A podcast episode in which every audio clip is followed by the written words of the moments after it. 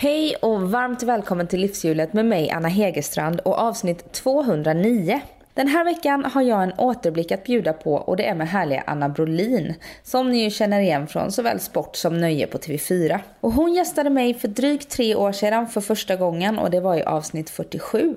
Och mycket har hänt sedan dess i Annas liv. Hon har blivit mamma åt sonen Elton som idag är snart två år. Och så har hon tagit över som programledare för TV4s livsstilsprogram Biggest Loser. Ja, och så reser hon ju i vanlig ordning världen över för att bevaka diverse stora sportevenemang. Hur får Anna livet att gå ihop med karriär, många resor, småbarn och alla andra delar i livshjulet? Får hon det att gå ihop? Ja, det ska du få höra alldeles strax. Så vill jag säga grattis till er som vann Sofie Sarenbrants nya deckare Bakom din rygg. På Livshjulets Facebook-sida presenterar jag vinnarna och så har jag ju skickat mail till er också. Jätteroligt med alla förslag på vilka gäster ni vill höra i Livshjulet så fortsätt mejla på anna.hegerstrand.se eller så kan du ju gilla Livshjulet på Facebook så hörs vi där. Livshjulet distribueras av Acast och det klipps av Kim Wirsén. Och nu lyssnar vi på återblicken med Anna Brolin. Ha en jättehärlig vecka.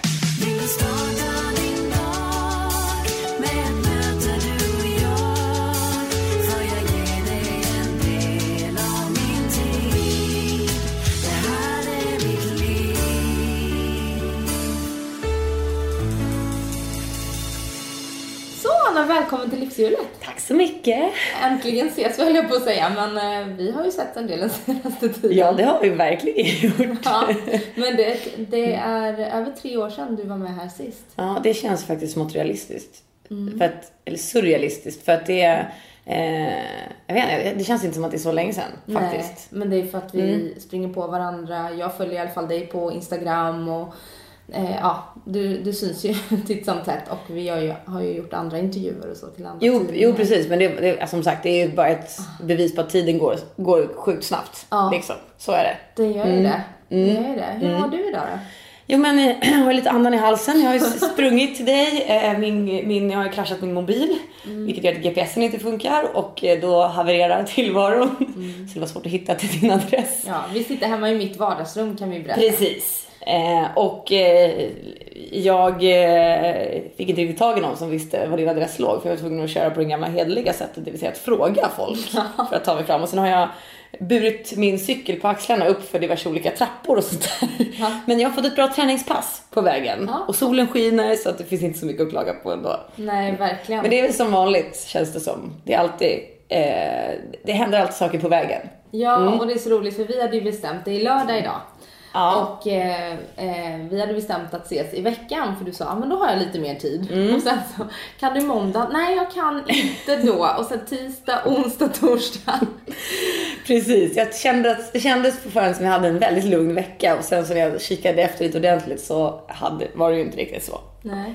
Eh, men eh, jag hade ju en ledig dag, då funkade det inte för oss. Men då, då, det var bara för att jag visste att jag hade den lediga dagen den här veckan så kändes det som en superlugn vecka. Oceaner av tid bara. ja, för du är mitt uppe i inspelningarna av eh, Biggest Loser. VIP. VIP. Heter det. Det är alltså så tjusigt. Ja. kändisar som är med. Ja, precis. Eh, ja, folkkära profiler kan man säga. Ja. Eh, som är med. Som, eh, alltså har levt eh, ja, men ganska ohälsosamt. Kanske mer fokus på att få en häls hälsosammare livsstil kan man säga. Ja, det är inte, det är inte fokus på att gå ner jättemycket vikt. Nej, det, är ju, alltså, det går ju ut på, men det, det hänger ju ihop lite grann också. Men mm. det handlar ju väldigt mycket om eh, att få ett sundare leverne. Det gör det, ju, det gör det för samtliga. Sen så är ju själva tävlingsmomenten handlar ju om om, eh, om vikten. Men deltagarna får ju väldigt mycket, med, alltså de får mycket, väldigt mycket med sig. Det vill säga de får ju väldigt mycket kostlära. Mm. Ehm, eh, medic, alltså medicinskt, alltså mycket undersökningar. Vilket jag tycker är sjukt intressant. Tycker mm. nästan det är, det är det mest spännande med utvecklingen. Det är vad som händer liksom inuti kroppen. För det visuella, det, det, ja, men det ser man, det kan man ta på efter, redan efter, ja, jag tycker man ser skillnad på dem efter så här, två, veck, två, tre veckor. För då börjar man se liksom en lyster i hyn och man, alla ser mycket fräschare ut. Mm. För det är, det är ju verkligen totalt renlevnads, det är ju inget alkohol, det är ju ingenting. Alltså det är ju Så jag menar, jag tror att väldigt många skulle se fräschare ut om man var där. Även om man kanske inte hade en jätteövervikt så skulle alla se fräschare ut Ja. efter en tid på slottet. Jag tränade ju med Mårten Nylén som Mm. var eh, tränare i Biggest Loser eh, tidigare. Och han har väl något slags rekord tror jag i hur mycket en person kan gå ner på en vecka. Jag tror Ah, han hade någon okej. deltagare som gick ner 15 kilo på en vecka. Ja, det är det. Mm. Och då bara känner jag så här, oj. Men de, det, då måste det ju, vi, det man, i Biggest Loser är det också så här, det är procentuell viktminskning vilket gör det mycket mer rättvist. Så att de som väger lite mindre och går ner lite färre, de får ju en annan procentuell Ja. sats. Så det, är- det är procenten som räknas. För går du ner 15 kilo, då är du bevisligen nog väldigt, väldigt stor. Det är mycket och har, har nog ganska mycket vätska i kroppen då också som du har pushat ut. Så liksom. Men, ja, nej, det är, jag har väl haft ja, men 11-12 kilo först, första veckan brukar de som är väldigt stora och som kämpar riktigt hårt den första veckan, då kan det hända så pass mycket. Men det där är ju, det är ju väldigt, det är väldigt olika för jag menar, vissa veckor kan det ju vara extrem insats, alltså om det står minus två. Eh, menar kroppen svarar ju väldigt olika, det går ju upp och ner har man ju fått lära sig. Att ibland kommer det till en platå och det är ju kanske absolut tuffast att klara av det mentalt. Att fortsätta, för kroppen kanske är chockad eller liksom är stressad och då står du ju stilla liksom. Så är det, det gäller ju för, för alla. Men eh, jag tycker det mest intressanta är vad som händer medicinskt verkligen. Alltså, bevisligen, vi har ju massa läkarundersökningar och hur många som blir av med sin diabetes på kanske fyra veckor. Har blivit av med din diabetes. Ehm, eh, man, många slipper äta sin, ta sin blodtrycksmedicin. Ehm, man har ju också kalkylerat på så hur gammalt hjärta man har. Och de har ju, vissa har ju liksom förlängt sina kvalitetsår med 20 år. Det tycker jag är det absolut Det är- häftigaste faktiskt, vad som händer liksom medicinskt. Ehm, så att, och det har vi ju väldigt mycket fokus på också när det handlar om Biggest Loser VIP som det så, fint heter. För att, eh, ja, som sagt jag får ju inte berätta så mycket än för det här kommer ju Nej, det det. sändas i höst. Ja, Mm. och det är inga VIP-personer som är eh, eh, kommunicerade. Nej, de är inte kommunicerade. Det finns ju lite spekulationer men det är ju... Jag har ju försökt mjölka dig. Jo precis, men, men, det är inte... tiger som sten, ska vi säga. Det är inte kommunicerat så att jag, jag, jag kan, inte, kan inte säga någonting. Men eh, det, kommer bli, det kommer bli väldigt, väldigt häftigt. Men som sagt var, eh, det kanske är lite mer medicinskt fokus skulle jag vilja säga. På, på ett hälsosammare leverne. Det känns som du är klippt och skuren för den här programledarrollen. Ja, men alltså jag tycker det är väldigt, väldigt intressant. Jag tycker det är superintressant att följa de här människorna. Både vad som händer fysiskt och vad som händer mentalt. För eh, det tar ju ett tag. Jag menar, det är ju, är ju superjobbigt för alla som är där. Alltså kanske första två veckorna. Då ska man ju ta med sig också att menar, kroppen gör sig av med massa, med massa sockergifter. Och, menar, man kan ju bli sur själv om man, inte, om man sätter sig på nolltolerans till socker. Det vet man ju alltså efter så här, jag tror det är den elfte dagen ska tydligen vara värst. Liksom. Aha, det tar, elfte dagen? Ja, det tar så pass lång tid. Det hör Man har lagrat. Ja, man har, precis. Så att liksom då, det jättelätt just den elfte dagen att liksom falla tillbaka typ och vara, eh, och att man blir grinig. Jag menar, det händer, det händer ju massa kemiska saker i kroppen som man kanske inte riktigt räknar med som påverkar såklart humör och sånt också. Så det är ganska mycket gifter som kroppen gör sig av med. Och den processen är ju tuff. Den här, alltså jag tror att som sagt vem som helst som hade satt sig på det där levernet även om man inte har en superövervikt hade märkt en, en stor skillnad på hur man mår fysiskt och psykiskt liksom, de där första veckorna.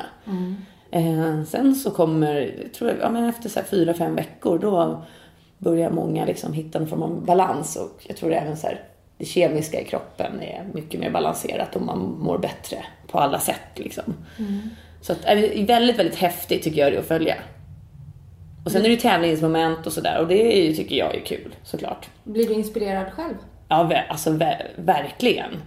Eh, och man kan ju få lite dåligt samvete ibland om man själv, själv står och behöver få upp blodsockret på något sätt. Ja, jag tar en liten chokladbit Jo bara. men alltså, Titta ja, ja, på mig. Nej, nej men det gör man ju aldrig framför dem såklart. Men, men, men Psyke. ja, nej alltså det är så, såklart man inte gör det. Men eh, produktionen käkar ju inte lika hälsosamt som de som är med såklart. Men man blir väldigt, väldigt inspirerad av, av deras vilja och eh, karaktär och, och så liksom. Det är ju, det är ju superhäftigt. verkligen. Mm. Och hur hälsosam skulle du säga att du känner dig själv idag då? Eh, Just nu. ja, ja, men lite, lite upp och ner skulle jag säga. Eh, det går väl ja, men det går nog lite i, i perioder. Eh, jag känner mig väl, ja men nu är jag inne i ett hyfsat bra träningsflow just nu. Men jag haft, jag hade en liten dipp under, ja, under hösten och jag kände så här, ja men jag fick, jag fick burpeeförbud. jag köpte burpeeförbud? av min naprapat. jag hade så sjukt ont i axlarna och ont i nacken. Eh, och så gick jag och, till en naprapat och så frågade han, ja, men vad, vad gör du då? Nej men jag kör 100 burpees om dagen. och då sa han, va? Hade du varit 16 så hade jag eh, inte reagerat. Men du är ju inte 16 år. Så att det är kroppen inte riktigt gjord för det här om man inte är liksom superstark. Så då fick jag någon form av burpeeförbud och jag hade liksom kommit in i något, alltså jag hade ett träningsprogram som innehöll väldigt mycket burpees och då typ tappade jag lite motivationen och bara vad ska jag göra nu? Alltså så kan det ju vara. Inte utan mina burpees. Nej, lite så. Men det måste, det måste ju vara, finnas en balans. Det måste vara lagom och allting. Ehm, Men kan du vara så, för jag har fått eh, två träningsprogram nu av min, jag har gått till en PT nu efter eh, att jag fick barn Mm. som är, specialiserad på träning efter graviditet. Mm. Och hon har lagt upp två träningsprogram till mig. Så nu vet jag när jag kommer till gymmet att ah, men nu följer jag bara dem. Mm. Har inte jag det så kan jag lätt bli så här. ja, vad ska Ja. jag göra nu? Alltså, Mm. Jo, ja, ja, nej, men jag tycker det är jättesvårt. Jag tycker ibland när man måste så byta. Eh, och jag behöver liksom kanske lite, lite nya eh, program och vanor och sånt där känner jag ibland. Jag måste, blir uttråkad. Ja, jag blir, ut, precis, jag blir uttråkad. Så då måste, då måste jag växla och då tycker jag liksom den perioden är lite tuff. Nu har jag börjat eh, jogga igen lite mera liksom. Och, då, och, och tycker att det känns ganska skönt och kul. Men jag vet att jag kan inte köra det för lång tid för då kommer jag ledsna. Så jag, jag måste liksom ha, jag måste ha lite nya utmaningar konstant. Eh, och helst saker som jag liksom inte riktigt har gjort tidigare. Eller, eller växla mycket, kanske dra och spela tennis eller göra andra saker. och sist vi pratade då var du på väg mot VM-formen för du skulle göra VM i Brasilien den sommaren. Jag ska sätta ett betyg på hälsa och det här Yes. också. Ehm, ja, vad, alltså, och just nu då, hur du känner. hur jag känner just nu. Jag är på väg mot min VM-form. Ska sägas också. Alltså jag har börjat, precis börjat. Nej men jag, eh, det, jag tycker det är viktigt att vara eh, i väldigt bra form när man ger sig in i ett mästerskap också för att jag vet att kroppen, schema. kroppen tar ganska mycket stryk, det blir ganska lite sömn så det underlättar om man kommer dit och är i, bra form. Så jag kommer ju köra på, jag ska, jag ska vara i bättre form än vad jag är i just nu. Så just nu Säg att jag ligger på en eh, sjua just nu och jag tänkte i alla fall ta mig till en nia. Tio kommer man aldrig om, Nej, man, om tror- man är tjej. ta mig till en nia till, till VM. Så att jag är på, mot VM-formen rent sådär hälsomässigt. Nej, men det, det är viktigt för mig. Hälsa och motion är, är, är väldigt, väldigt viktigt. Det var liksom ditt mål att Ja. då behöver jag vara i form. Ja, jobbar och då, och då var jag i sjukt bra form kan jag Ja. säga. Eh, och då så, ja, men det var ju det var en, det är en fantastisk träningsplats att vara på Copacabana bara i sig. För att då var vi ute och, och joggade eh, på morgonen innan sändning. Det var ju, det var ju helt perfekt. För då fick man jättemycket energi. Och eh, jag var nere på stranden och körde lite Tabata-pass och sånt. Så det, det var verkligen ett jättebra upplägg. Så där höll jag mig i jättebra form eh, hela Brasilien eh, vistelsen. Och sen året efter så blev du mamma.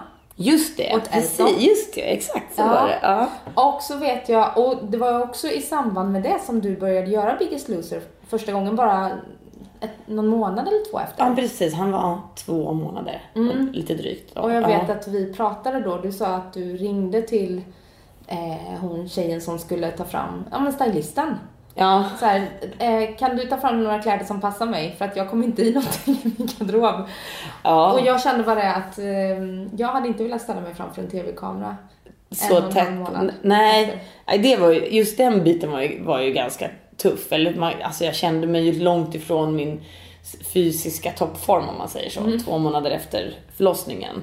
Så att Eh, nej jag kände ju, jag, men alltså, jag kan ju bara ha tält, jag kan inte ha någonting annat.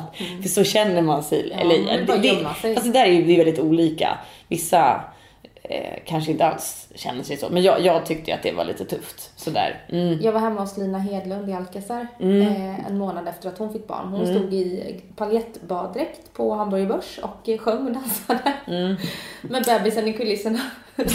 det ju olika det där. Det, är- det, är- jag hade inte satt på mig en paljettbaddräkt. Nej, det hade jag inte. Paljetttält. Ja, möjligtvis. möjligtvis. Ja. Ja, men och så vet jag för vi träffades eh, ett halvår efter också. Mm. Eh, eller om det var åtta månader. Och då så hade du verkligen tagit tag i så här, ja men på tal om att man kommer till platåer. Mm. Att det bara stannar, att du, att du kände att du fastnade. Mm, Eh, ja. Efter där. Hur, hur har det gått sen dess? Jo, nej, men alltså det tog, det tog väldigt, väldigt lång tid tyckte jag för att min, för att min kropp skulle börja, alltså börja svara på Ja. någonting. Ja, det var det du kände, att den inte svarade på träning. Nej, det, nej, det gjorde den inte. Den svarade inte på, på någonting kändes det som. Det kändes som den var bara hade tagit break från allt. Eh, men jag tränade ganska så bra under hela graviditeten, kanske fram till Alltså modifierat såklart, men jag höll ändå igång på crosstrainer och sånt kanske fram till vecka 38. Ja, det är bra för mig. Ja, och det, det är jag jätteglad för och det kände jag att liksom för att fram tills dess så är man ju, så länge man alltså, mår bra av det och känner att det liksom känns bra så är det ju bara bra att hålla igång blodcirkulation och sånt. Och jag tror att det gjorde, om jag hade, jag hade väl lite foglossning och så fort jag inte kanske fick igång blodcirkulation på samma sätt då, fick, då gjorde det verkligen ondare och var värre. Ehm, och crosstrainer är ju suveränt tycker jag, framförallt sista tiden för det är ju så snällt mot kroppen och, och liksom stå på den. Så det var jättebra, men det var ju efter så kan man ju, då är man ju, kan man ju inte göra någonting i princip. Då är det ju liksom, då är det ju stiltje, verkligen. Eh, och sen så började det väl lite smått, ja men det var väl kanske efter en, två månader. Ja, alltså, men eh, var, min kropp svarade nästan ingenting på, på träning. Eh, det var som att den, den ville inte göra sig av med några kilon. Jag gick nästan upp tror jag efter förlossningen och det var man ju inte beredd på. Nej, för man har, har ju hört om hur man ska Det rasa i vikt. Precis, man ska rasa i vikt nästan. Ja, och, Precis som det finns en mall som alla måste följa. Ja, och det, och det, jag trodde att så skulle det vara för mig också, men det var verkligen inte så. Jag tror inte min kropp svarade efter, för, alltså förrän efter åtta månader. Och det var när jag började, kunde börja träna riktigt hårt. Alltså, ja men köra burpees. Ja, alltså, men alltså köra skiten ur mig. Det var först då min kropp egentligen svarade. Den har ju varit van att träna väldigt hårt. Jo, precis. Det kan ju ha någonting med det att göra. Men jag tror också att eh, det var som att min kropp ville samla på sig allt den kunde nästan.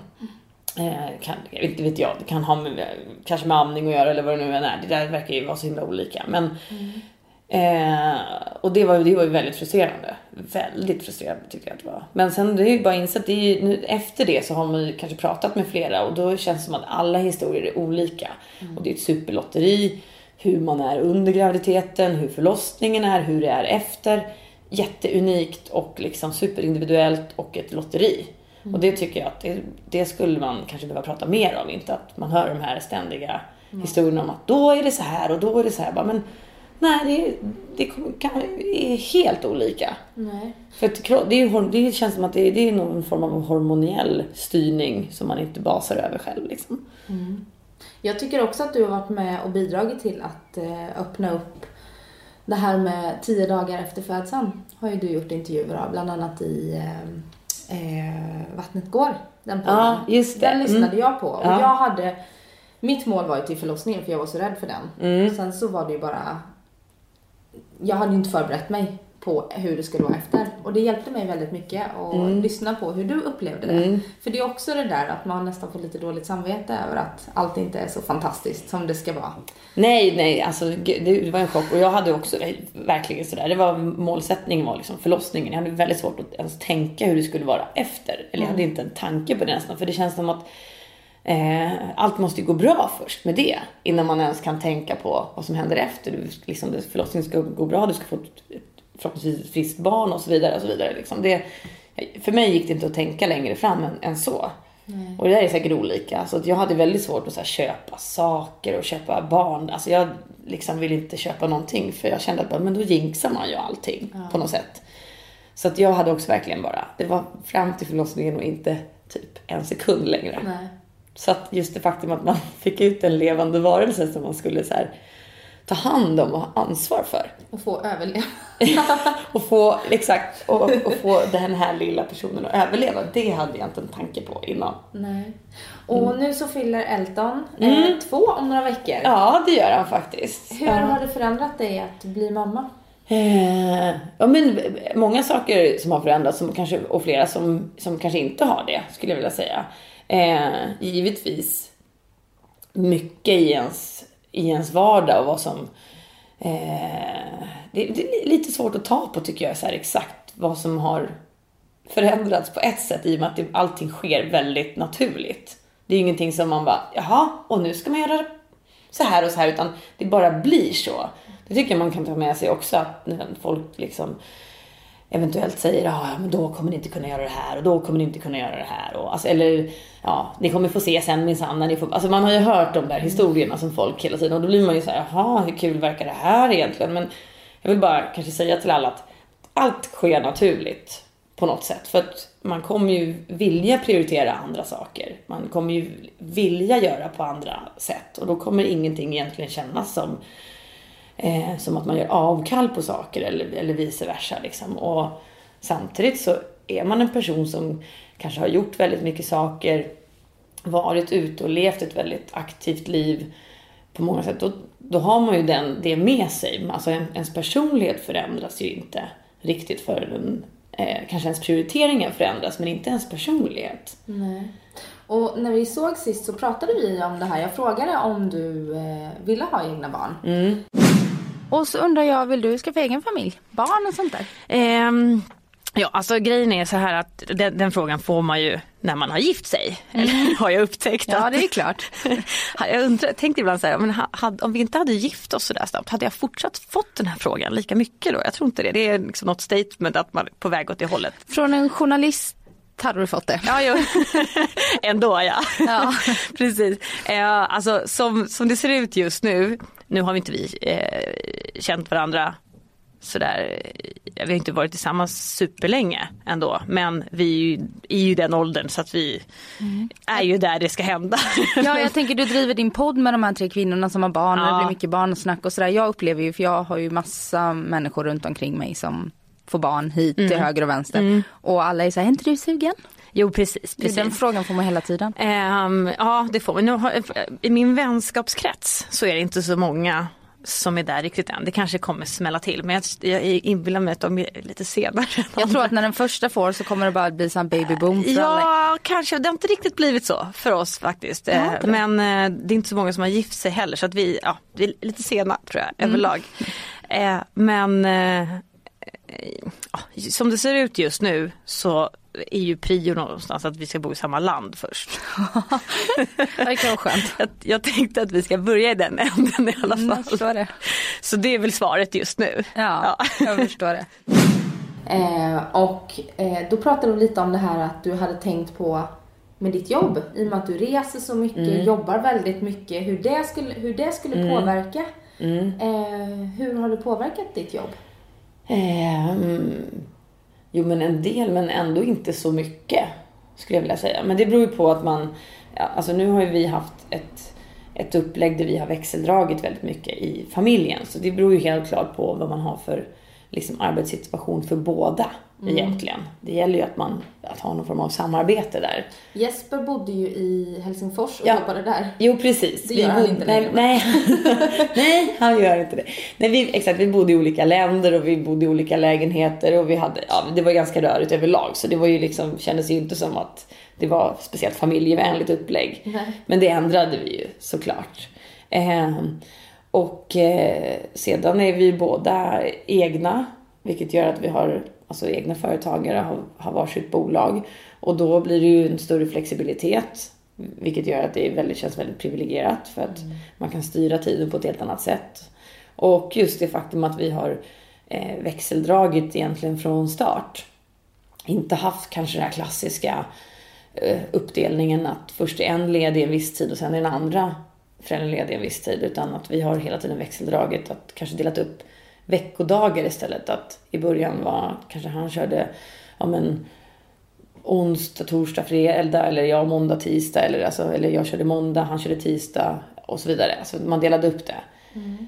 Eh, och det är ju ganska lyxigt att få ha det så. För det blir ju väldigt jämlikt i förhållandet. Mm. Eh, plus att det känns som att, att, barnet gör ingen skillnad på vem som är mamma och vem som är pappa. Utan, eh, så att det, det upplägget har funkat för oss. Men det, det kräver ju att man har sådana arbetsförhållanden som gör att det funkar.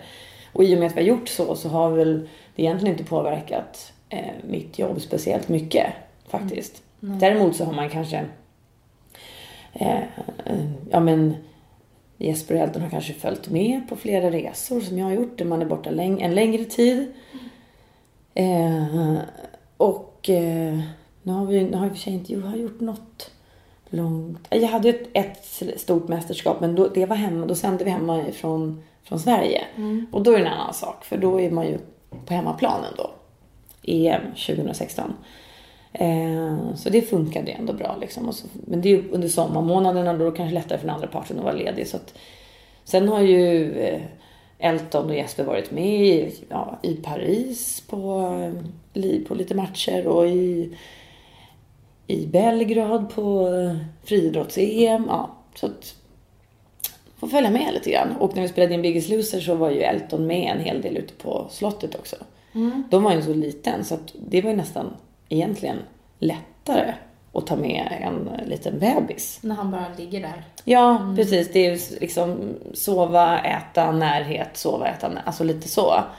Eh, då kräver de ju inte så mycket och så kanske få, få se lite nya miljöer och lite nya folk och så. Det, det, tror jag, det tror jag nästan är lättare när de börjar bli liksom sex, sju månader och framåt när man verkligen vill utforska Eh, och då krävs det ju mera egentligen. Mm. Så jo. nästan tuffare att ta med dem då ja. faktiskt än tidigare. Ja, det är rätt bra fart på honom nu. Jo, nu är det, nu, nu är det bra fart, minst sagt.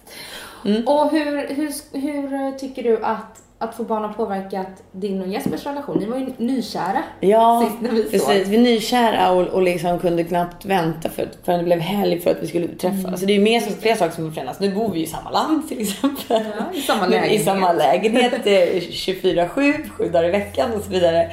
Så att ehm, eh, nej men det, alltså det är klart att det har förändrats. Vi är fortfarande väldigt kära, det är vi. Och väldigt så här, uppskattar varandra. Och det tror jag man tar, alltså på något sätt tar med sig om man har haft ett distansförhållande under en längre period så är man kanske mer mån om den tiden man får tillsammans även nu för att man är så van att ta vara på den. Jag mm. tycker det är en ganska bra grej att ta, som man har med sig ifrån eh, ett sånt upplägg. Ja. Eh, men alltså herregud, när man blir, blir förälder och de där, liksom, det där första halvåret, ingen sömn och allt vad det nu är och man, oron, alltså det är klart att eh, det där liksom supernykärad medan efter sju, timmar utan, sju dagar utan sömn då är man kanske inte Skiter man i kärleken. då är det survival mode liksom. Men, eh, så, men samtidigt så kommer man ju ännu närmare varandra på ett, alltså verkligen i och med att man måste dela så himla mycket mer saker och man, måste, man är så här gemensamt ansvariga för en ny varelse och barnuppfostran och det är massa andra saker. Mm. Plus att man sitter där och tittar på den här när han är sitt bästa jag. och, och bara inser att nej, men det, det är vi som har liksom skapat honom tillsammans. Det är ju sjukt häftigt. Så det, det får ju ett annat, ett annat djup känns det som, relationen också. Mm. Har ni varit noga med att sätta er ner och prata om att vi måste få vår tid och ska vi ha barnvakt här eller tar ni lite på uppstuds? Vi tar det väldigt mycket på uppstuds. Ja. Men vi tar ändå vår tid tillsammans, det tycker jag. Eh, verkligen. Även om vi inte är bestämt att men, så många dagar i veckan ska vi göra det här eller så. Vi har inte något form av sånt schema men jag tycker att vi ändå får till det väldigt bra. Och även ge varandra egen tid och så vidare. Jag känner inte behov av att man skulle planera in mer liksom, egen tid och sånt. Nu, nu känns det som att jag, i och med att jag har ganska mycket resor jobbet fortfarande, så den där egentiden får jag per automatik. Jag mm. behöver liksom inte ha mer av den varan, känner jag. Eh, så att det för, för min del så känner jag inte att, Och nu bara få sitta för sig själv. Och jag, den tiden, den får jag ändå. Så den kräver jag inte mer av. Det är snarare så att eh, i och med att jag ändå har haft, den här våren har jag haft hyfsat mycket resdagar så att jag blir ju väldigt mer mån om att få tiden med Elton hemma. Eh, och den uppskattar den kvalitetstiden på ett annat sätt tror jag. Och hur ser Mm. sommaren ut då? Sist så sk- stod du inför VM i Brasilien Mm. och då sa du att Nej, men det här är det största jag kan göra som sportjournalist. Ja. Så eh, jag vet inte hur jag ska kunna toppa det. Nej. Och så är det ju, alltså det var verkligen det var ett superhäftigt mästerskap. Det var ju liksom, det var helt fantastiskt att vara där. Eh, och det känns fortfarande väldigt så här svårtoppat Ja. ur den aspekten. Sen finns det ju sen, kommer det liksom nya utmaningar, man får se andra typer av utmaningar med sitt jobb, hur man kan utvecklas i sin programledarroll eller som journalist och så vidare. Eh, och kanske ny teknik som vi tar, tar in i våra sändningar som också är utmanande på ett sätt. Men, men just som, som mästerskap och som sportföreteelse så tycker jag att Brasilien-VM är väldigt, väldigt svårslaget. Verkligen. Just för att det var i ett i ett sånt fotbollsälskande land som Brasilien, upplägget med fanzone på Copacabana. Alltså, det går liksom inte att föreställa sig en bättre miljö. Eh, och nej, det, det var verkligen så men jag, jag, jag njöt verkligen till fullo av att vara där. Och, och min man kom också ner och fick se det. Han var nere i kanske 9-10 dagar. Och han är ju också en superfotbollsälskande person. Ja, så att han, vi- vi har, ja, och det är ju såklart en stor fördel i och med att om han kan följa med på vissa evenemang så njuter ju han av det också. Mm, vilken lyx, Ja. man får ju gräddfil rakt. Jo, jo, precis. Att, och och det, är, det är ju superkul att man, att man verkligen delar det. Sen, sen hjälper han faktiskt mig nu i vårt nya upplägg. Han, ehm, han ha, har ju en liten eh, managerfunktion kan man säga faktiskt. Vi, vi jobbar lite tillsammans också. Eh, så att det är jättekul Ja. tycker jag. Eh, så att eh, ja, vi, vi, vi får ihop det bra och som sagt just att, att han kom ner och en, vi kunde dela hela, eller dela delar av det mästerskapet var också jätte, jätteroligt. Men det var, nej det, det är fortfarande, det står nog högst i kurs hos mig fortfarande, verkligen. Jag är jätte, jätteglad att jag fick uppleva det. Vad ska du göra i sommar? Men i sommar, det är, det är nya utmaningar. Det finns ett väldigt häftigt evenemang, eller två väldigt roliga evenemang jag ska med. Dels är det fotbolls-EM för damer i Holland. Och sen är det friidrotts-VM i London. Och det kommer ju vara Usain Bolts sista insats här. Oj. Mm. Så det är ju också en milstolpe som är jättehäftig. Eh, Då måste jag fråga, för, för mig som inte är så sportintresserad, är inte Usain Bolt, hur gammal är han? Ja, Han är du- ganska ung. Ja, men ska du, alltså, det första som försvinner fysiskt, det är ju snabbheten. ja, ja. och han springer 100 och 200. Ja. Ja. Så att, eh, att ligga på topp där, det är... Mm. Ja, okej. Ja, jag Ja. Så att det är liksom snabbheten.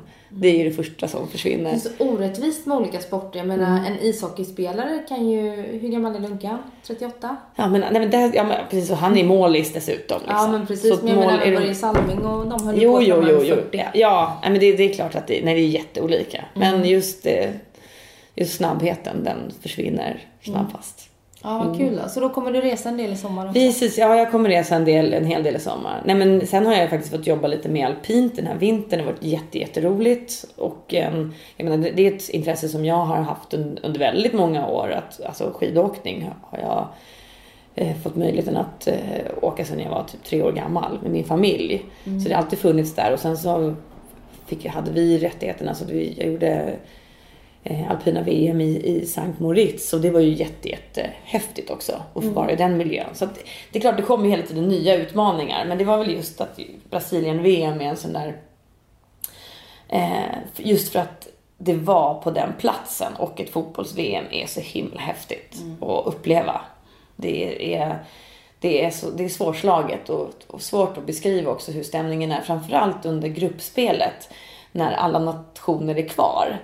Eh, och se hur alla olika eh, nationers supportrar slutar upp och man får höra alla deras olika sånger. Och, alltså, det är fantastiskt. Eh, Chile gick ju väldigt bra under, under eh, fotbolls-VM och de stod alltså och sjöng chi chi chi, le le le, viva Chile. Alltså, jag tror att de stod och sjöng den ramsan hela natten när de hade eh, vunnit en match. Som de gav liksom aldrig upp. Och det är så himla häftigt att se all, all, all den här uppslutningen liksom, kring sina länders eh, landslag. Mm. Det, det, det är nästan det häftigaste av allt på ett mästerskap. Är det sporten som är det du gillar bäst i ditt jobb? För du har ju börjat göra en del underhållning nu. Du gjorde eh, Spårlöst också mm. sist kommer jag ihåg. Mm. Eh, men nu så Biggest Loser och Nyhetsmorgon jag har precis. lite. Ja men precis, ja men det, exakt det gjorde jag ju för, för ett, ett, antal år sedan ja. också. Eh, jag, tycker, jag tycker ju variation är kul. Jag tror man kan liksom utvecklas det ena, utveckla det andra och så vidare. Ja. Så det, det är ju bara, det är ju bara bra. Sen rent programledartekniskt skulle jag ju säga att det finns ingenting som egentligen är mer utmanande än att genomföra en, en sportsändning. För det, de går så pass snabbt och det är så pass mycket oförutsägbara saker som händer och det är så oskriptat. Mm. Så att, eh, att köra den typen av direktsändningar är väldigt, väldigt roliga om man gillar utmaningar. För att eh, du måste vara så extremt på tårna hela tiden. Mm. Blir du nervös inför en sån sändning? Eh, nej, inte nervös. Jag kan bli liksom, om jag vet att eh, man, mer, mer att man blir väldigt eh, fokuserad. Men inte, inte nervös. Men det gäller ju att ha en viss anspänningsnivå. Så man, jag får ju kanske upp anspänningsnivån en viss del. Men jag tycker ju om det. Så att jag blir inte nervös på ett, på ett dåligt sätt. Mm. Men mer att man känner att eh, nu måste man skicka upp hjärnan i ett läge. Mm. så att den, den, den, går lite snabbare faktiskt. Mm. Så är det. Inför Idrottsgalan, eller Fotbollsgalan. Mm. Eh, sådana typer av direktsända galor. Ja.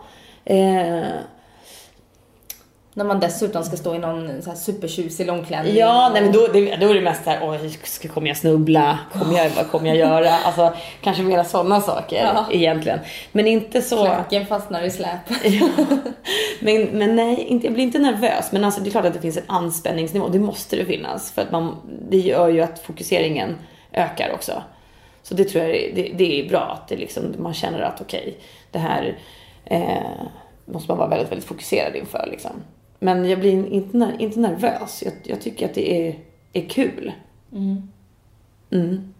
Och du, jag läste en artikel mm. eh, från typ i april i år mm. på Expressens sportsidor. Det är väl enda gången jag går in på sportsidorna när jag gör research. Eh, men då så stod det att du är ju en av en väldigt hårt arbetande eh, ja, men, ett hårt arbetande TV4-ansikte. Mm. Och eh, att du pratar om att du har varit nära att bränna ut dig och gå in i väggen. Och det pratade vi om sist också mm. och då sa du det att Nej, men jag jobbar väldigt hårt och jag kör men jag har aldrig varit nära den där väggen upplever jag. Mm. Um, är det sen du har fått eh, Nej, nej men jag, jag, jag syftade nog, alltså det, var, det är kanske väl någonting som jag egentligen har förstått i efterhand egentligen. Uh. Eh, när man har kanske läst mer om vilka symptom man eventuellt har haft och så bara, uh -huh. ja men jag kanske var lite nära där. Så snarare. Mm. Så det var nog att jag inte riktigt hade koll på. full koll på. För det, det, det jag syftade på då, det var nog egentligen när jag var i, i, i Spanien 2008-2009 och jobbade. Okay. Eh, då var jag nog nära att krascha fast jag inte fattade det själv. Nej. Men kanske förstått det lite mer så i efterhand nu när man har pratat mer om vad det är för typer av symptom. Mm. Och och vad som händer med kroppen och vad man har, liksom, hur det påverkas. Och där var jag ju sjukt, sjukt speedad för där hade vi ett extremt högt tempo. Om man nu ska prata, det där hundåret som, som, eh, som man helst ska göra någon gång under mm. sin karriär. Eh, det gjorde jag verkligen där och det, det, var ett, det var ett extremt högt tempo men jag fattade det inte riktigt själv. För det var nästan mitt första liksom, år så. Mm. Eh, men jag har ju förstått i efterhand att jag hade ju eh, väldigt svårt att komma ner i varv. Alltså väldigt, gjorde nästan aldrig det under, under det där året. Eh, och var väl ganska eh, ja men speeder hade nog svårt att sova. Men jag hade de här liksom, symptomen för jag kom aldrig, hade aldrig tid att komma ner. Nej. Så det har jag väl förstått i efterhand att då var jag nog ganska nära att krascha fast jag inte fattade det själv. Nej.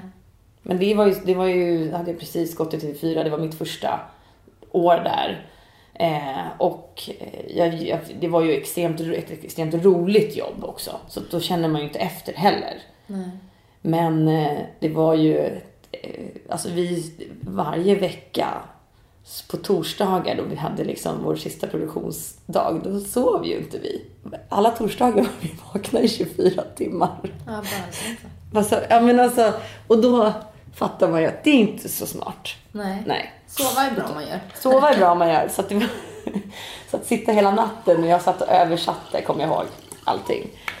Eh, från spanska till svenska, hela programmet som vi gjorde. Så att, eh, det, då, det var ju inte så smart. Då var man ju ganska sliten. Hur, eh, hur får du balans i eh, arbete, ledighet, sömn? Mm, nej, men det, det känns väl som att jag vill kanske bli bättre på att hitta de verktygen. Som sagt, nej, men jag vill, nu har det varit många av mina många kollegor som har varit ute och, och pratat om utmattningssyndrom och vad man ska se för, för liksom, vad det finns för varningsklockor. Att så här, ja, men minnet börjar svikta till exempel och så. Man, inte, man har svårt att komma ihåg saker. Eh, och det kan jag ju liksom reflektera över på ett annat sätt än vad jag kunde då. För då fattade jag ju inte riktigt det. Man, det känns ju som att man har pratat om det mer och mer. Men jag, jag, nu har jag blivit bättre på kanske och, och med fullkomligt stänga av när jag stänger av. Och det har jag väl eh, kanske mer omedvetet gjort ändå. Vilket har det har ändå bidragit till att jag har att jag inte har kraschat tror jag. Men att verkligen när man, när man har en lucka att man verkligen totalt stänger av och låter sig vara avstängd. Liksom. Och det handlar ju om att kanske, om man nu pratar om att man skickar upp hjärnan på en viss nivå, så här, anspänningsmässigt och fokuseringsmässigt när man kanske kör en direktsändning så är det bra att ta ner den några hack också. Eh, för att om man ligger där uppe hela tiden, det, det känns som att det, det är då du till sist blir, du, du kommer till den där väggen. Och jag vet inte om vi pratade om det sist, just det, att hitta verktygen för att eh, ta en sak i taget hela tiden. Pratade vi om det? Vi pratade inte om det i livshjulet men vi har pratat Nej. om det i Mm. andra intervjuer. Mm. Eh, Jag vet till exempel när, när du pratar om när du bokar en resa så kan Mm. du boka hotell på första stoppet. Och tänka liksom att ja, men nu gör vi det här och sen får vi se Mm. hur det blir. Man behöver inte ha hela planen. Nej, och framförallt när man, eller när man jobbar och man säger att man, man tänker hela arbetsveckan och tänker på allt man ska göra, då tror jag det blir bara jobbigt. Utan, men det, det fick, jag fick ett tips eh, via min man faktiskt från en väldigt ja, men en, en stor europeisk chef, liksom hur han hanterar, alltså på vd-nivå, så hur han hanterade just liksom ag- agendorna, för de är ju ganska späckade om man är vd för ett stort europeiskt företag. Att liksom, ja men man, man tänker vilken tid ska jag till flygplatsen? Ja, det är då eh, det är den tiden man har i huvudet och så vet man när man ska båda och sen så när, först när man har landat och satt sig i taxin då plockar man upp liksom information om ah, vilket hotell ska jag till för att då litar man på att ah, men det har någon bokat åt. Man tar inte in den informationen förrän man verkligen behöver den. Släppa kontrollbehovet helt enkelt. Ja, men det, jag har inte så mycket kontrollbehov Nej. egentligen. Men, men, att, nej, men att inte att ta en sak i taget. Det är bara ett exempel, men jag tror att det är, är superbra överlag att göra så. För då känns det inte som att det blir för mycket. Att verkligen bara tänka, när, tänka man kanske, om man ska utföra ett jobb och man behöver liksom, du behöver kanske boka upp saker i förväg. Men sen behöver man kanske inte koll, ha det i huvudet utan man tar, ja men det tar vi sen. Jag kollar upp var det ligger efter jag har landat för det är först då jag behöver den informationen. Istället för att liksom försöka få koll på allting. Så. Det tror jag är ett smart drag. En sak i taget. Hur funkar nu du när du jobbar? Är det viktigt för dig att vara superförberedd och eh, påläst eller? Ja, det, absolut. Nej, men det är ju A och O i mitt jobb. Att vara förberedd och, och, och påläst. Liksom. Men det är ju samma sak i en, i en direktsändning så måste du ju verkligen ta en minut i taget. Du kan inte ligga sju minuter fram för du måste vara här och nu. Sen så ska du ju ha kanske skaffat dig den kollen tidigare men när du väl kör då är det verkligen här och nu. Bam. Liksom, nu tar vi det och strunta i vad som händer. Och det är ju liksom ett, någonting som man kan applicera egentligen på sin, på sin vardag på något sätt. Att inte behöva tänka för långt fram, för då blir man ju stressad. Skulle jag tänka på, ja, ja men som jag sa till dig, jag bara, men jag har en jättelugn vecka. Jag, för att jag tisdagen var ledig. Jag, jag var inte längre fram. och Så. Och jag, och det, nej men det, är mitt, det är ett verktyg som funkar för mig. För då blir inte jag liksom för stressad och tycker att det känns eh, att det är som ett gigantiskt berg som ska bestigas. Och jag, jag tror att det bidrar också till att man kan bli, få den här inre stressen som känns som den farligaste kanske. Har du varit med om någon sån här jättefadäs på jobbet någon gång? Som jag hade Gry Forssell här för några veckor Mm. sedan som berättade, hon råkade ju läsa upp fel namn på körslaget, fel vinnare på körslaget. Ah, det var ju ah. inte hennes fadäs utan det Nej, var ju ja, eh, ah, personen i hörsnäckan. N- någon sån grej? Um, det var väl någon gång jag skulle stå och läsa upp eh, var det hela Italiens startelva på en VM eller på en eh, på en EM-final tror jag det var. Och så stod jag så såg jag inte storbildsskärmen och så kom alla. Alltså, Fy. ja. Och jag bara, och hade, jag hade fått fel eh, start eller från start och så visst blev jag ju jätteosäker. Jag bara, men gud jag, jag ser inte vilka det är som dyker upp för att jag stod liksom i vinkel. Det var sjukt jobbigt. Eh, sen har jag väl sagt att vi är fel städer ibland. Välkommen, jag tror när vi körde fotbolls-EM 2011, nej 2013. Då åkte vi runt i en buss till massa olika arenor och var i allt från liksom, ja, men, Växjö till Kalmar till eh, eh, Halmstad och så åkte vi runt i den här liksom, trekanten flera varv. Så det var, var, var någon gång som, vi, som jag sa att vi välkommen till typ ja, Kalmar fast vi var i Växjö eller vad, alltså, sådana hade inte grejer. riktigt tänkt med Nej jag, hade inte, jag, hade, nej, jag hade inte riktigt tänkt med på, på, på, på flyttarna. Men annars har vi inte gjort sådana liksom, super eh, fadäser, skulle jag säga. Ingen eh, sån total krasch. Kanske annat som har hänt. Ja, Men sen har man ju, jag har väl, har jag väl fått någon eh, här, lakritsbit kastad på mig i, i, ja, men på riktigt, typ i pannan mitt under sändningen. Så att jag bara, aj, så visste jag inte vad det var. Alltså sånt från läktaren, vilket är, det låter ju komiskt men det är ju ganska allvarligt för de kan ju kasta andra saker. Liksom, Ja, ja, man, står. visst. man är ganska utsatt om man står nere på innerplanen. Och, men då var det liksom någon som kastade, jag fick den rakt i huvudet och det gjorde faktiskt ganska ont för den kom från ganska hög höjd. Liksom. Och det, Mm. det skedde ju under, under direktsändningen så jag, jag duckade liksom under, dök ju ner och intog någon form av liksom, Skyddsposition. ja, skyddsposition där Har under studiebordet. runt er när ni jobbar? Det Jag tänker det kan gå hetsigt till på matcherna. Jo, precis. Det, det är ju lite olika faktiskt beroende på. Men eh, nu så gjorde jag ett derby ganska nyligen, ett Stockholmsderby. Och då har vi ju lite matchvärdar som står och liksom har lite koll på våran studio. För då befinner vi oss mitt på läktaren bland folk. Men när man står nere på innerplanen. Det ska ju vara om folk får för sig att kasta någonting liksom. Där är man ju ganska utsatt. Men det, var första gången jag, men jag fick den verkligen mitt i skallen. Och jag trodde man, det kändes ju som en sten. Och då blir man ju ganska rädd liksom. Ja. Men det var en lakritsbit. Vem kastar en lakritsbit i huvudet på någon? ja, alltså det kanske, är en, det kanske var en unge. Man vet ju inte. Nej. Alltså så. Men, men ändå, där är man ju ganska utsatt liksom. Så det var ju mest att, att jag blev rädd. Det blev väl andra runt omkring också liksom. Så, så att eh, lite sådana saker har ju hänt.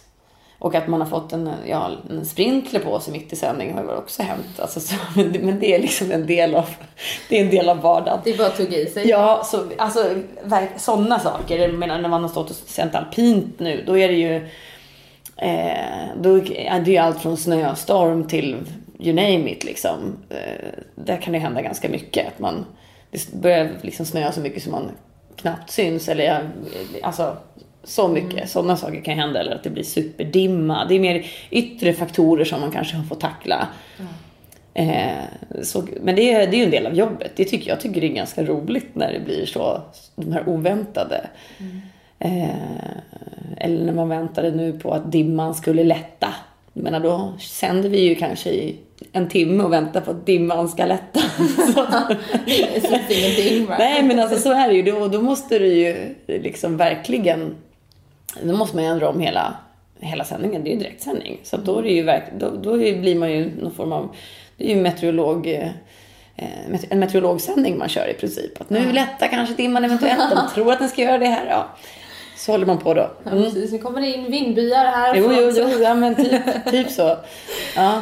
Du, när, eh, sist så pratade vi en del om personlig utveckling. Mm. Och då så sa du att du inte jobbar så mycket med din personliga utveckling. Men att Nej. du kanske skulle behöva göra det. Ja. Och eh, eh, främst att du skulle vilja jobba mer på din självkänsla. ja. Som sagt, jag, ja, men jag är ju nyfiken i, av mig själv, av naturen liksom. Mm. Och på att testa nya saker, så det kommer väl det. Men personliga utvecklingen, det handlar nog mer om att här, känna mig nöjd. Eh, Ja, med, med mycket saker överlag. Att inte, eftersom jag alltid har så här, men nu ska jag vidare med det här, nu ska jag vidare till det här. Alltså så har det ju varit kanske hela vägen fram till tills det är, idag. Så då blir det lite onaturligt, men vad, vad ska jag vidare från det här? Nu måste jag, alltså, jag trivs ju extremt bra där jag är. Så då kanske jag måste bara, ja men det här är ju bra, må bra i det här nu då. Kom igen Anna. Ja, men exakt. lite åt det hållet. Så att, eh, lite så, det behöver jag jobba på och eh, men kanske även självkänsla tror jag. Jag kanske har ett, ett bra självförtroende i, eh, väldigt bättre självförtroende än självkänsla. Eh, tror jag att jag har. Så jag skulle nog behöva jobba lite mer på, på självkänslan. Ehm, har det blivit något bättre? Du, nej, jag vet inte tusan om det har det. Eh, egentligen. Det, ska- nej, men det, det, det där är, det är nog fortfarande bakläxa på den, skulle jag säga. Och det, jag vet inte om det är en liksom, tidsaspekt. Nu har, vi, har man adderat en ny familjemedlem också.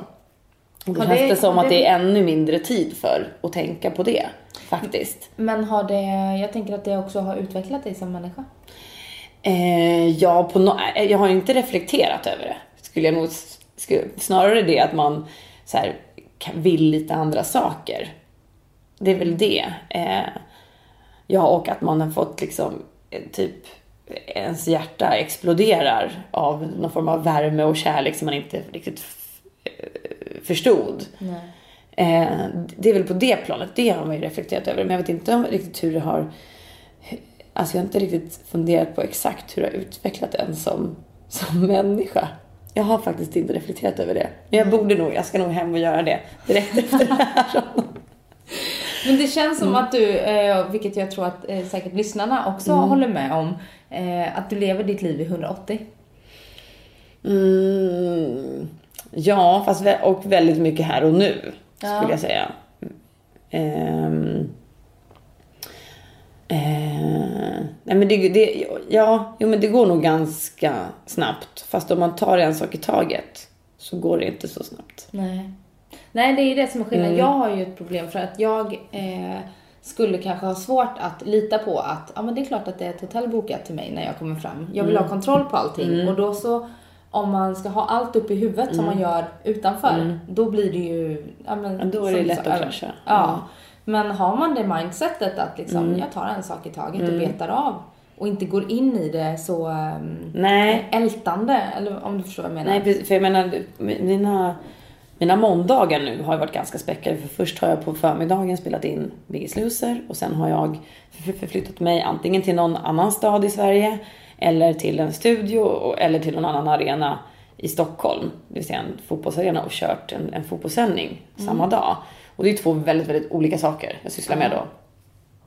Men jag gör dem på samma dag och då gäller det ju verkligen att ta, bara vara här och nu på första inspelningen och när precis när den är klar, då sätter jag liksom, börjar jag fokusera redan, men jag, då släpper jag ju hela den sändningen, eller den inspelningen som jag gjort och sen så börjar jag tänka på liksom fotbollssändningen. Den har jag ju haft med mig, den har jag ju planerat lite före, alltså dagen före. Kanske har suttit med den, men jag tänker inte på den medan jag spelar in det som jag gör på förmiddagen. Nej.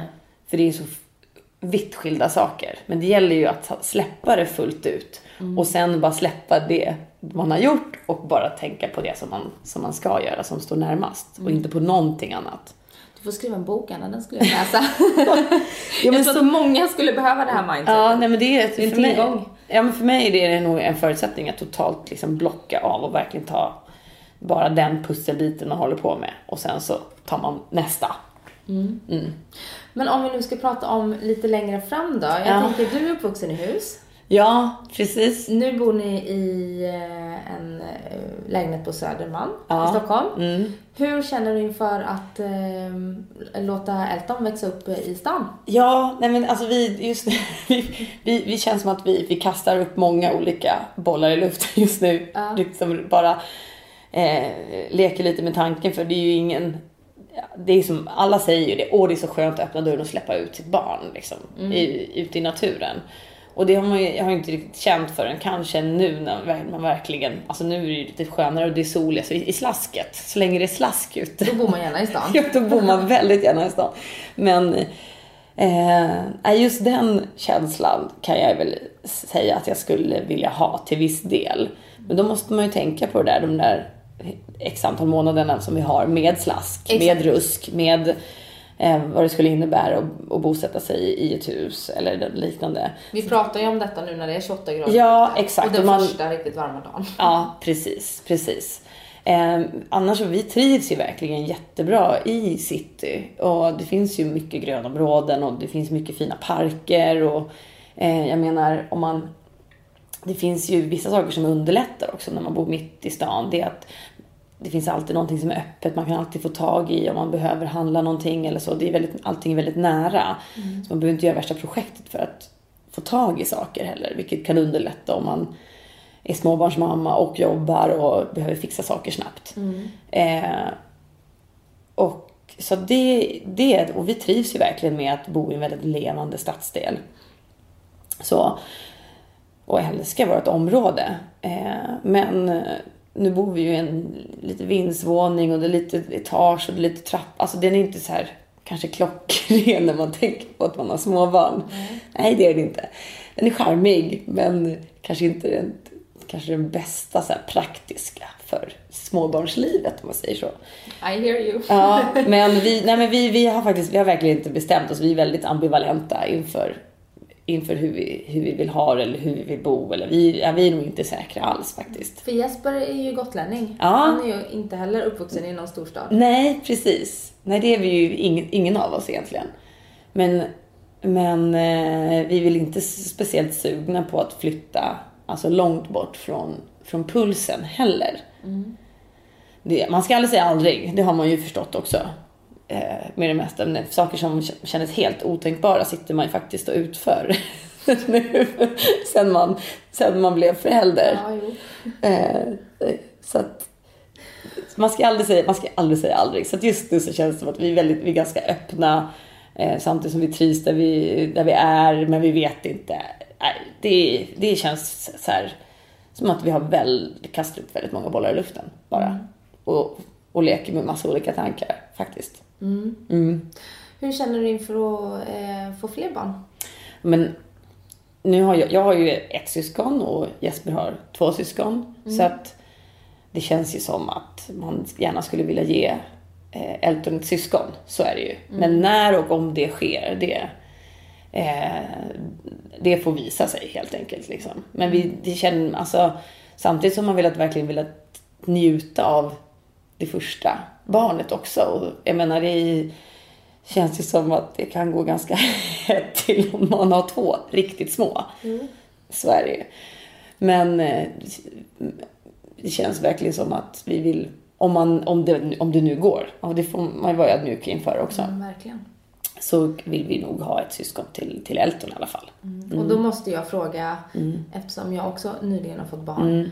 När fick du den frågan sist om när kommer nummer två? Nej, den, jag vet inte. Den känns som att man har fått ett, ett, ett lång tid jag, tillbaka i tiden. Alltså. Jag fick den redan innan jag fick eh, mitt första Ja, okej. Okay. okay. Mm. Ja, hur känns Blir det två täta nu eller? Om man står där liksom med stor mage och ja. bara jag ska få ut en först. Ja, precis, precis. Ja. Nej, men det är därför det, det känns som att ja, men det, det, får, det får ske när, när, när det sker, så att säga. Mm. Men eh, eh det är klart att när, man, när, man, när han är vid sina bästa stunder. Nu är han, han är inne i en liten trotsig period. Han säger nej väldigt ofta till väldigt mycket. Men det hör, det hör ju till. Um, nej men det är klart, plus att det känns som att det, det är nyttigt och för, för barn att lära sig dela med sig av saker och, och så också. Mm. Alltså, man kan lära sig mycket av syskon. Mm. Plus att man vet att då kommer de alltid ha varandra. Om det är så. Så att det, det finns ju eh, absolut mycket som talar för att vi verkligen vill ha, verkligen vill ha en, en till. Eh, och så det känns lite som också, har man gett sig in i leken så får man... I land. precis. Lite så. Eh, om man nu liksom har den, får, har den möjligheten, så att säga. Mm. Jag kan känna lite så, för vi har ju ganska liknande bostadssituationer. Vi bor i ungefär lika stora lägenheter, vi bor i ungefär lika obarnvänliga områden.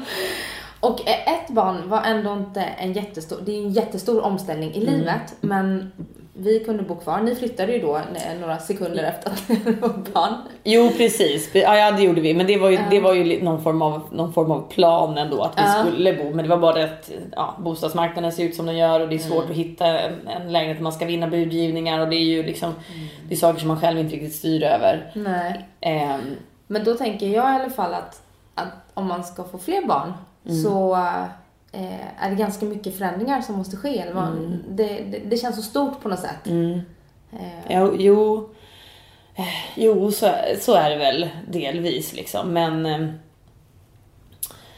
ja, jag vet inte. Jag, jag, jag tänker inte på det just nu.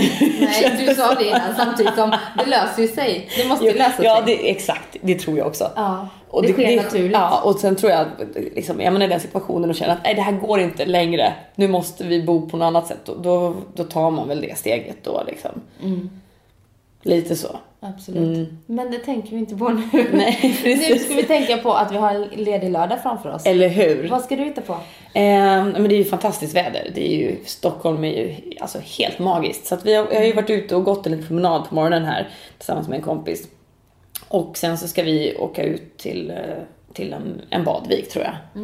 Här i närheten. Och hänga lite med lite kompisar. och så. Ja. Men Stockholm är ju verkligen alltså en fantastisk sommarstad. Eh, jag rekommenderar det ofta till, eh, till många eh, vänner som bor i andra länder att liksom, ja men alltså Stockholm sommartid är ju perfekta resmålet om man bor i Sydeuropa eller någon annanstans. Alltså. Men kom på sommaren, kom inte i november till februari. Liksom. Det tänker jag när jag går igenom Mm. Gamla stan här och man ser eh, turister som går runt och fotar i snöslass. Tänker varför åkte ni hit nu? Gör lite Ja. research och kom på en... Ja, ja, ja, ja precis. Nej, men, nej, men, det finns ju eh, det finns ju så fantastiska liksom, ställen. Och Egentligen ska man vara mer turist i sin egen stad faktiskt när man bor i Stockholm. För det finns ju, det finns ju så mycket vackra ställen att besöka och skärgården och alltså, mm, Man blir hemmablind. ja, man blir, ja så är det ju.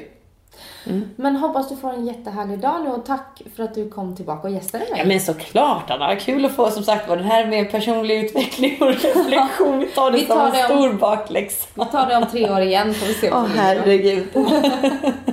Ha det bra nu Anna. Mm, tack detsamma.